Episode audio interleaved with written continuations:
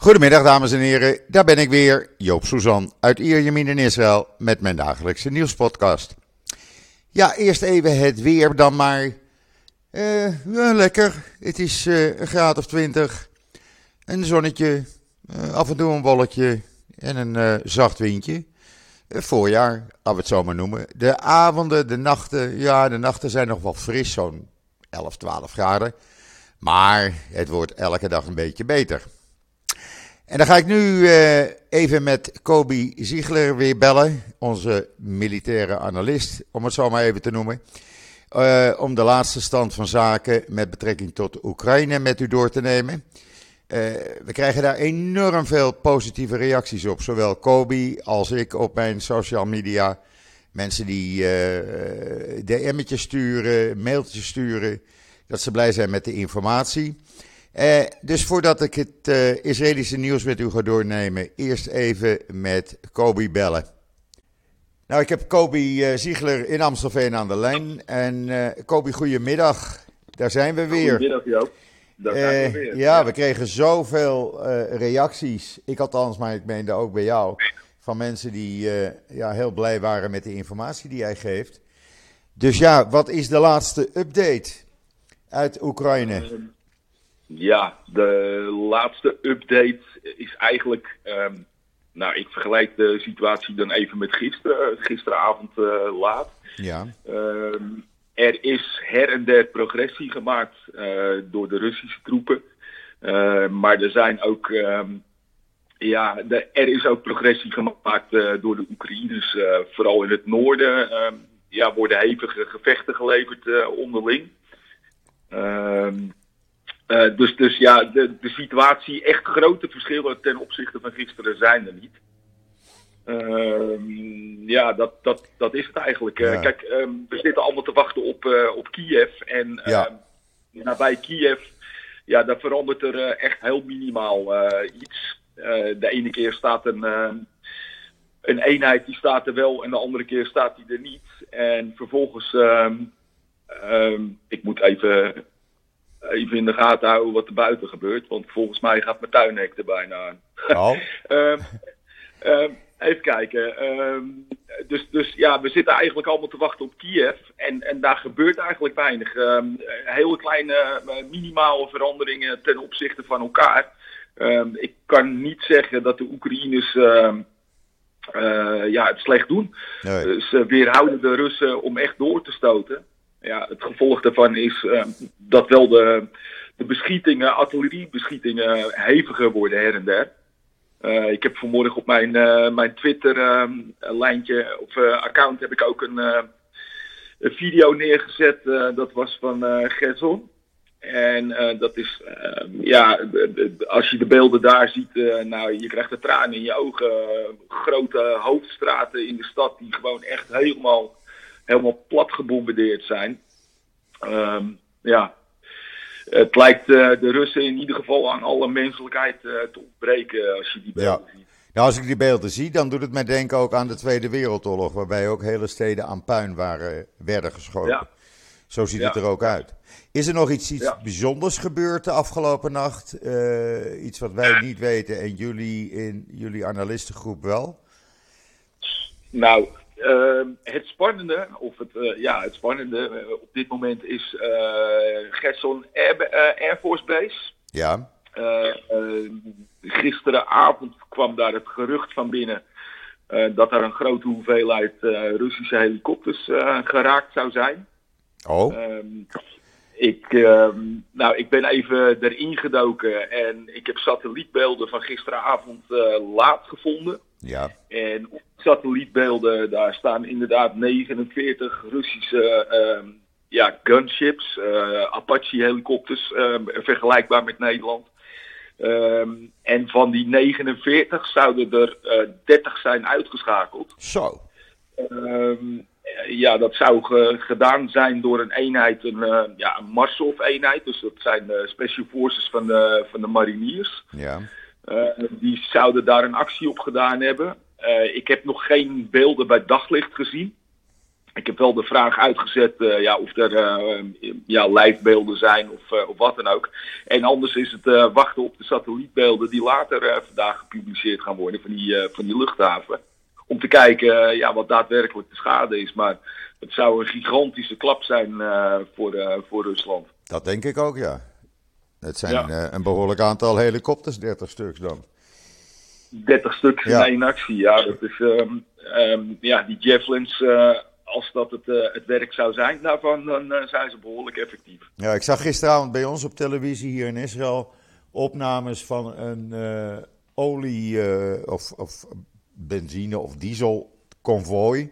En dat ja. was helemaal aan flarden geschoten van de Russen. Ja, dat was, tenminste als we over dezelfde beelden praten, was dat gebeurd met met zo'n Turkse drone. Ja, klopt. Dat zijn dezelfde beelden. Maar ja, dat zijn toch behoorlijke tegenslagen voor ze. Ja, zeker. zeker. Uh, ja, en dat is eigenlijk het enige wat ze nodig hebben. Brandstof en, uh, en bevoorrading. Of ja. bevoorrading. Uh, ja, bevoorrading in het algemeen, maar vooral brandstof. Ja, ja. En, en ik zie, ze laten hier nog steeds beelden zien van allerlei achtergelaten vrachtwagens, lanceerinstallaties tanks, ja. noem maar op. Die, de Russen verlaten die gewoon. Dat is ook zo ja. raar. Dan zou je ja, denken, nou waarom, het, waarom rennen ze weg? Het is niet, het is niet raar, Joop. kijk, op het moment dat jij ehm, in je tank zit of je gepantserde personeelsvoertuig en je hebt geen brandstof meer, dan, dan is het niet meer dan een gepantserde brievenbus. En je bent sitting duck ehm, ja, voor alles en iedereen die jou ziet staan natuurlijk. Oké. Dus uh, ja, verlaten is de beste optie. Ja. ja. Maar de aantallen die zijn echt, uh, die zijn echt fenomenaal. Uh, wat we nu uit Rusland vandaan horen is dat er ehm, ja, uh, weer een nieuwe lading aan, aan materiaal aan zou komen. En dat zou dan vooral uh, bestaan uit gemodificeerde ehm, ja, ouder materiaal. Dus dan moet je denken uit materiaal van voor 1991. Zo. Ja, en dat gaat hij dan uh, waarschijnlijk gebruiken om uh, de posities van de huidige troepen ja, over te nemen. En dat de huidige troepen door kunnen stoten. Tenminste, dat is het vermoeden. Ja, ja. Van ja. de Amerikanen was er een bericht hier in het nieuws dat eigenlijk die hele troepenmacht nu 150.000 man in Oekraïne zou zitten. Ja. Dat nou, zeggen, ze, zeggen ze hier op het nieuws die troepenmacht is, uh, is groter dan uh, 150.000 man. Ik zou eerder 200.000 aannemen als je al uh, ondersteunende troepen en gelieerde troepen daarbij bij optelt. Dan, dan zitten zeker 200.000 man inmiddels in, ja, ja. in Oekraïne. Ja. Oké. Okay. Dus. En voor de rest niets nieuws te melden? Nee, niet nee. nieuws. Um, nou ja, er zijn, en ook die heb ik op mijn tijdlijn gezet. Er zijn in ieder geval, daar zijn ook beelden van, een aantal convoys, humanitaire hulpconvoys zijn op gang gekomen. Vooral in het, in het noorden van Oekraïne. Waarvan ik er één, waarvan ik van één weet dat ze in ieder geval de Oekraïne ingaan en niet geëvacueerd worden naar, naar Rusland wat in eerste instantie de intentie was. Ja. Ja, voor die mensen heel erg prettig natuurlijk om niet bij de vijand onderdak te moeten vinden. Dat lijkt mij ook. Um, en even kijken, ja, ik, ehm, ik heb contact met, een, met een aantal mensen. Eén die, ja, een, een hulporganisatie die is onderweg naar het westen van Kiev. Um, dus bij deze wil ik daar ook even de mededeling doen dat die weg in ieder geval nog, uh, nog veilig is. Uh, en een ander uh, die zou richting het zuiden gaan. En ook daar is die, de weg nog veilig. Dus nou ja, goed. keep up the good work in ieder geval zou ik tegen Dat bedoel ik. Ja. ja, hier is de burgemeester, de burgemeester van Dimona is naar Oekraïne vertrokken. Om zelf vluchtelingen op te halen. Ja. Dus moet je nagaan. Ja. Dus, ja, uh, nou ja, goed. Vanuit, de Nederlandse gemeenschap uh, is er ook het een en ander onderweg. In ieder geval van twee weet ik het uh, pertinent zeker. En daar word ik ja, ook een beetje op de achtergrond op de hoogte van gehouden. Okay. Ja, het is heel interessant. ja, nobel en absoluut heel erg nodig. Absoluut, absoluut, absoluut. Oké, dan laten we het hierbij voor wat betreft Oekraïne, denk ik dan. ja, ik denk als er, ja, ik zou iedereen aanraden, volg Kobi op zijn Twitter-account. onderliggend streepje Unclex, U-N-C-L-E-X. En dan, dan blijf je gewoon op de hoogte van wat er echt gebeurt in en om Oekraïne. Kobi, hartstikke bedankt weer. Graag gedaan. We houden even contact en uh, ja, we kijken wat de situatie gaat worden in de komende uren. Doen we. Oké, okay. dankjewel. Oké. Okay. Tot ziens. Bye, bye. Ja, dat was uh, even de laatste update voor wat betreft Oekraïne. En dan gaan we nu verder met het nieuws hier in Israël. Nou, eerst maar even corona. Er liggen nog 429 uh, ernstige viruspatiënten in de ziekenhuizen. Het positiviteitspercentage van mensen die getest worden is gedaald naar 8%. Dat is natuurlijk uh, heel goed nieuws. Gisteren bleken er 4769 nieuwe viruspatiënten bij te zijn gekomen. Meeste helemaal geen klachten of lichte klachten. Er zijn nog iets meer dan 48.000 actieve patiënten in Israël met het uh, coronavirus.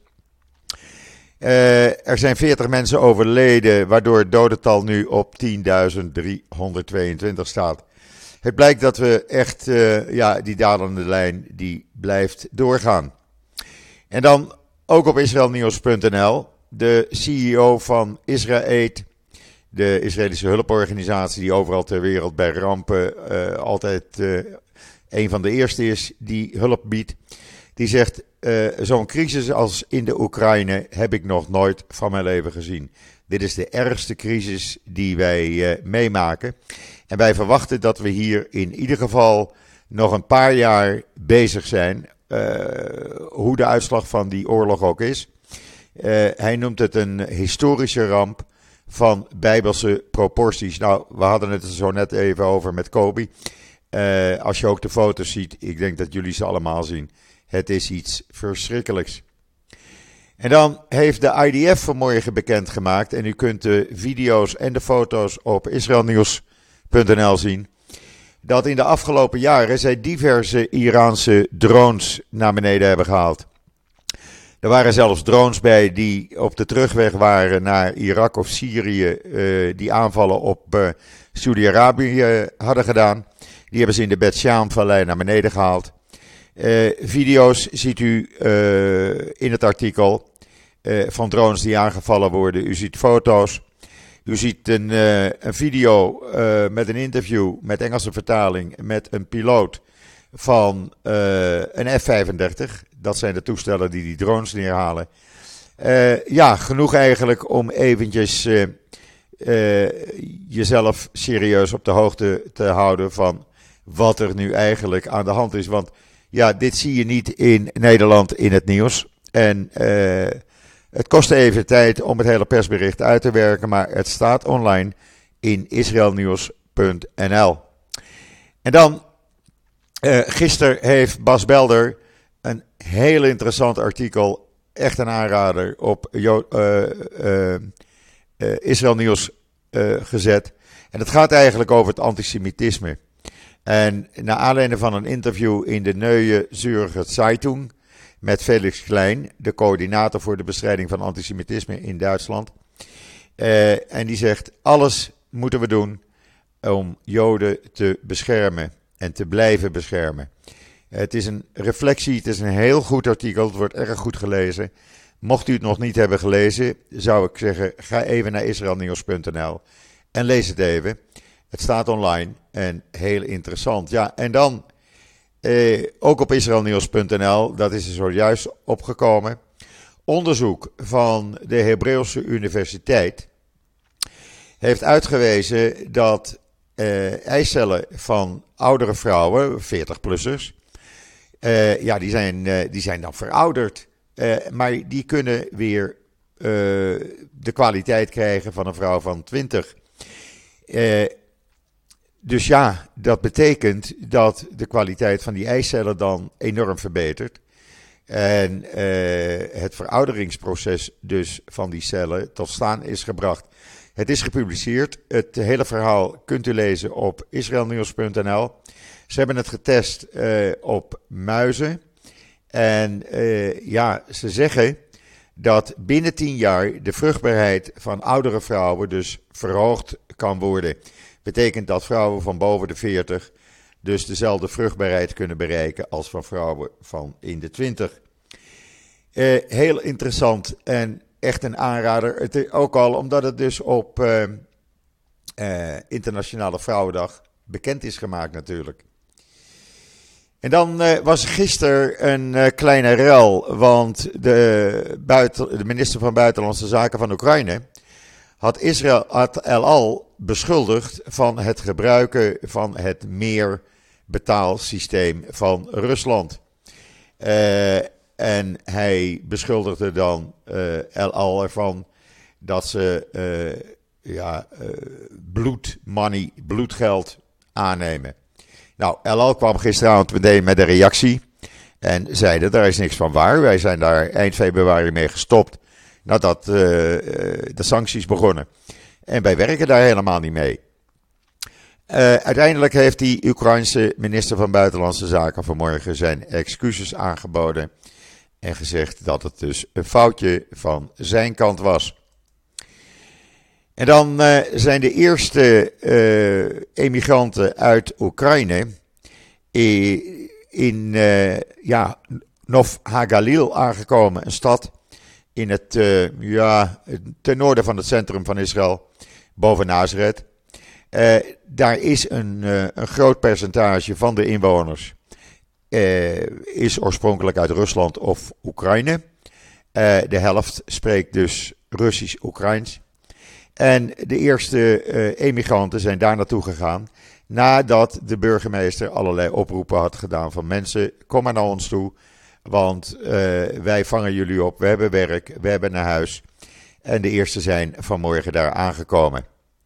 Dan heeft uh, minister van Buitenlandse Zaken Lapid uh, gisteren in Riga zijn collega uit Amerika gesproken. Hij is daar naartoe gevlogen.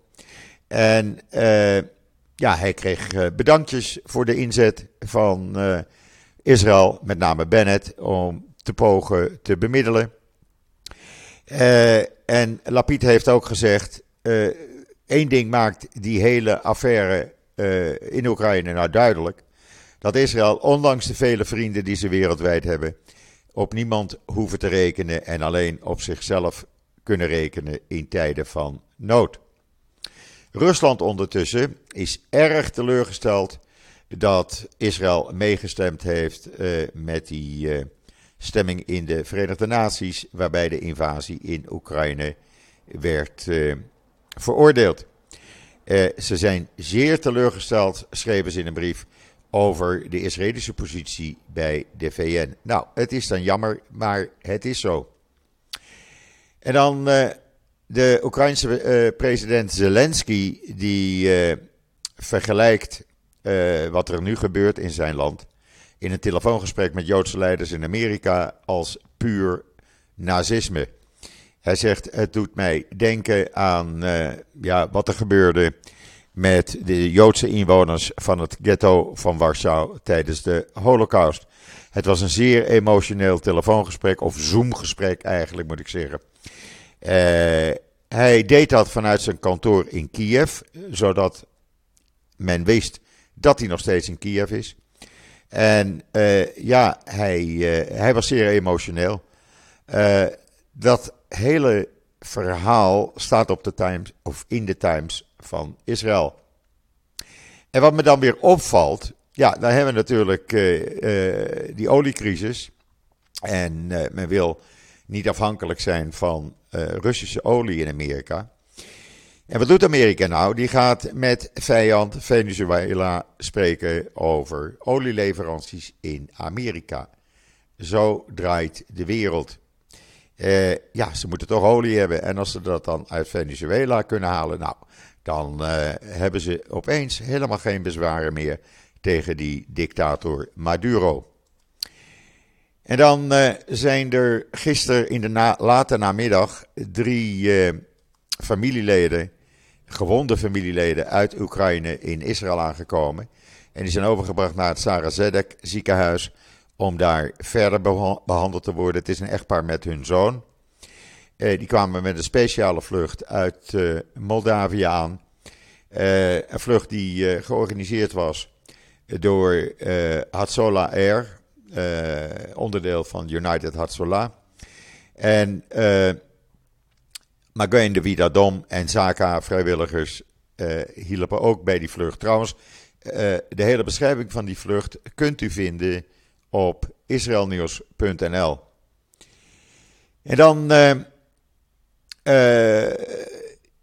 even kijken, wat hebben we nog meer? Ja, de EU die is begonnen met te bekijken uh, de aanvragen van Oekraïne, Georgië en Moldavia om lid te worden van de Europese Unie. Dan weet u dat alvast. Men heeft de eerste stappen nu gezet en men gaat kijken hoe daar verder mee om te gaan.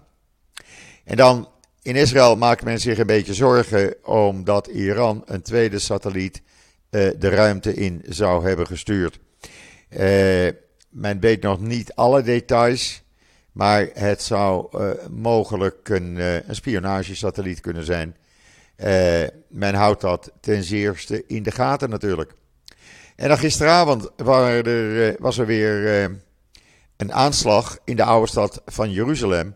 De tweede binnen 48 uur. Op twee politieagenten die zijn daarbij gewond geraakt. De dader is doodgeschoten.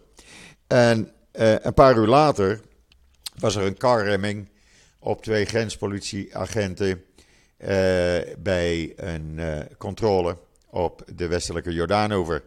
En uh, die zijn daarbij lichtgewond geraakt. En ook daar is de verdachte is, geneutraliseerd, zoals dat heet. De minister van Politie maakt zich zorgen, want die zegt: we moeten dat extra in de gaten houden, extra maatregelen nemen.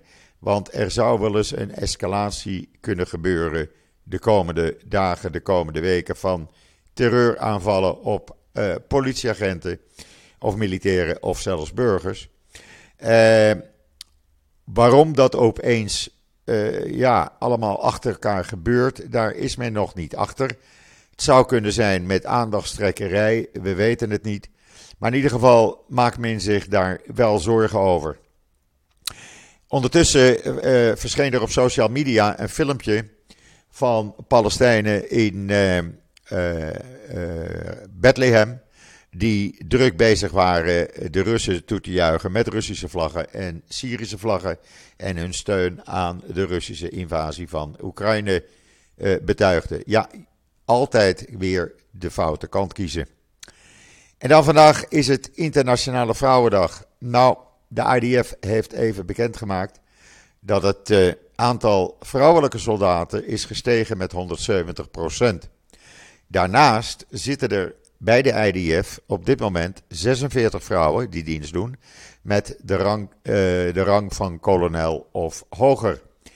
Uh, dat waren er in 2021 nog 39. Zo zie je maar dat in de IDF vrouwen dezelfde eh, mogelijkheden hebben als de mannelijke soldaten. En dan, uh, ja, dat is voor jullie in Europa wel interessant. We weten allemaal, iedereen weet dat Israël natuurlijk barst van het gas.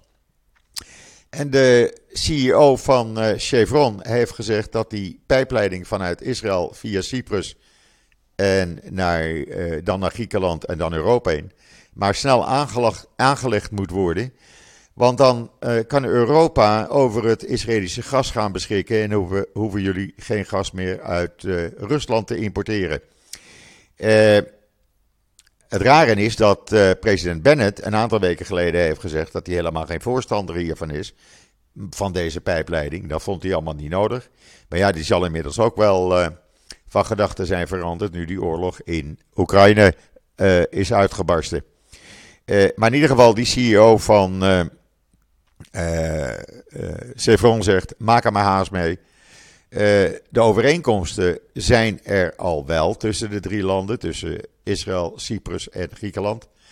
Het kost ongeveer uh, 6 miljard euro en het zou in 2025, dus over drie jaar, klaar kunnen zijn. Alleen nog een klein dingetje moet opgelost worden. En wat is dat dan? Er is nog geen financiering. Nou, dan zou ik zeggen, mensen, het is voor Europa nu belangrijk. Uh, kijk eens even wat de EU wil doen. Hè? En dan, uh, ja, een samenwerking van Israëlische en Nederlandse onderzoekers. Uh, die hebben ontdekt dat hoe de aardkorst is ontstaan. En na jarenlang de oceaanbodem te hebben bestudeerd, hebben ze nu hun onderzoek in het, natuur, in het tijdschrift Nature uh, Geoscience gepubliceerd. En in het kortje komt erop neer dat er 105 miljoen jaar geleden onder Madagaskar een vulkaanuitbarstingen waren. Dat veroorzaakte een soort domino-effect. Uh, en die bepalen, of die bepaalde 105 miljoen jaar geleden hoe de aarde er nu uitziet.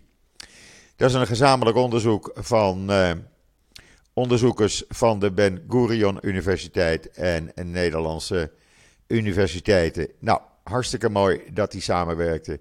Dan weten we tenminste hoe dat 105 miljoen jaar geleden allemaal is gebeurd. Ja, en dan uh, nogmaals, uh, wij proberen zoveel mogelijk nieuws te brengen over uh, wat er in Oekraïne gebeurt, wat er in Israël gebeurt met uh, de vluchtelingen. De minister van Binnenlandse Zaken heeft gisteren gezegd dat het niet zo zou kunnen zijn dat Israël onbeperkt vluchtelingen kan opnemen. Dat kan gewoon niet. Daar is het land te klein voor. Maar enkele tienduizenden, ja, dat zou mogelijk moeten zijn. daarnaast speelt natuurlijk het feit dat in Israël alleen mensen kunnen emigreren. Uh, of immigreren naar Israël. die Joods zijn. Nou weet u dat voor Russische en Oekraïnse Joden er een soepele regeling geldt. In het kort komt het erop neer: als er één voorouder Joods is, dan kan je naar Israël komen om je hier te vestigen. Heb je geen Joodse voorouders, ja, dan kan je hier niet permanent blijven. Dat is nou eenmaal de wet. Zo luidt die. En men uh, gaat die wet niet veranderen, want dat zou het Joodse karakter van Israël weer uh, aanpassen. We hebben dat in de tijd, in de jaren negentig, met de Russische immigratiegolven gezien, waardoor er dus nu ruim 200.000, 250.000 niet-Joden toch in het land wonen die achteraf bleken niet Joods te zijn. Maar goed, men kan dus enkele tienduizenden Joodse vluchtelingen op korte termijn opnemen. En men probeert daar alles aan te doen. U weet dat er eh, heel veel grote Joodse hulporganisaties in Oekraïne en aan de grenzen met Oekraïne uh, uh, allerlei uh, hulpfaciliteiten hebben opgezet. noodhospitalen, et cetera, opvangcentra. En vandaar worden de mensen richting Israël geholpen. De eerste vluchten die zijn aangekomen, dat heb ik u gisteren verteld. En elke dag komen er nu vluchten met Oekraïners in Israël aan. Daarnaast, nog maar even benadrukken, uh, het Sheba ziekenhuis gaat, uh, of is nu bezig, een veldhospitaal in Oekraïne bij Lviv uh, op te zetten. Om in Oekraïne zelf gewonden te kunnen behandelen. En zodat ze niet eerst vervoerd hoeven te worden. Goed, dat was het wat mij betreft voor vandaag met de podcast. Mocht er iets bijzonders gebeuren, dan kom ik absoluut in een extra podcast met Kobe Ziegler bij u terug. Uh, wens iedereen nog een hele veilige en uh, goede afronding van deze dinsdag, de 8e maart alweer. Uh, ik ben er morgen weer. En zeg zoals altijd: tot ziens. Tot morgen.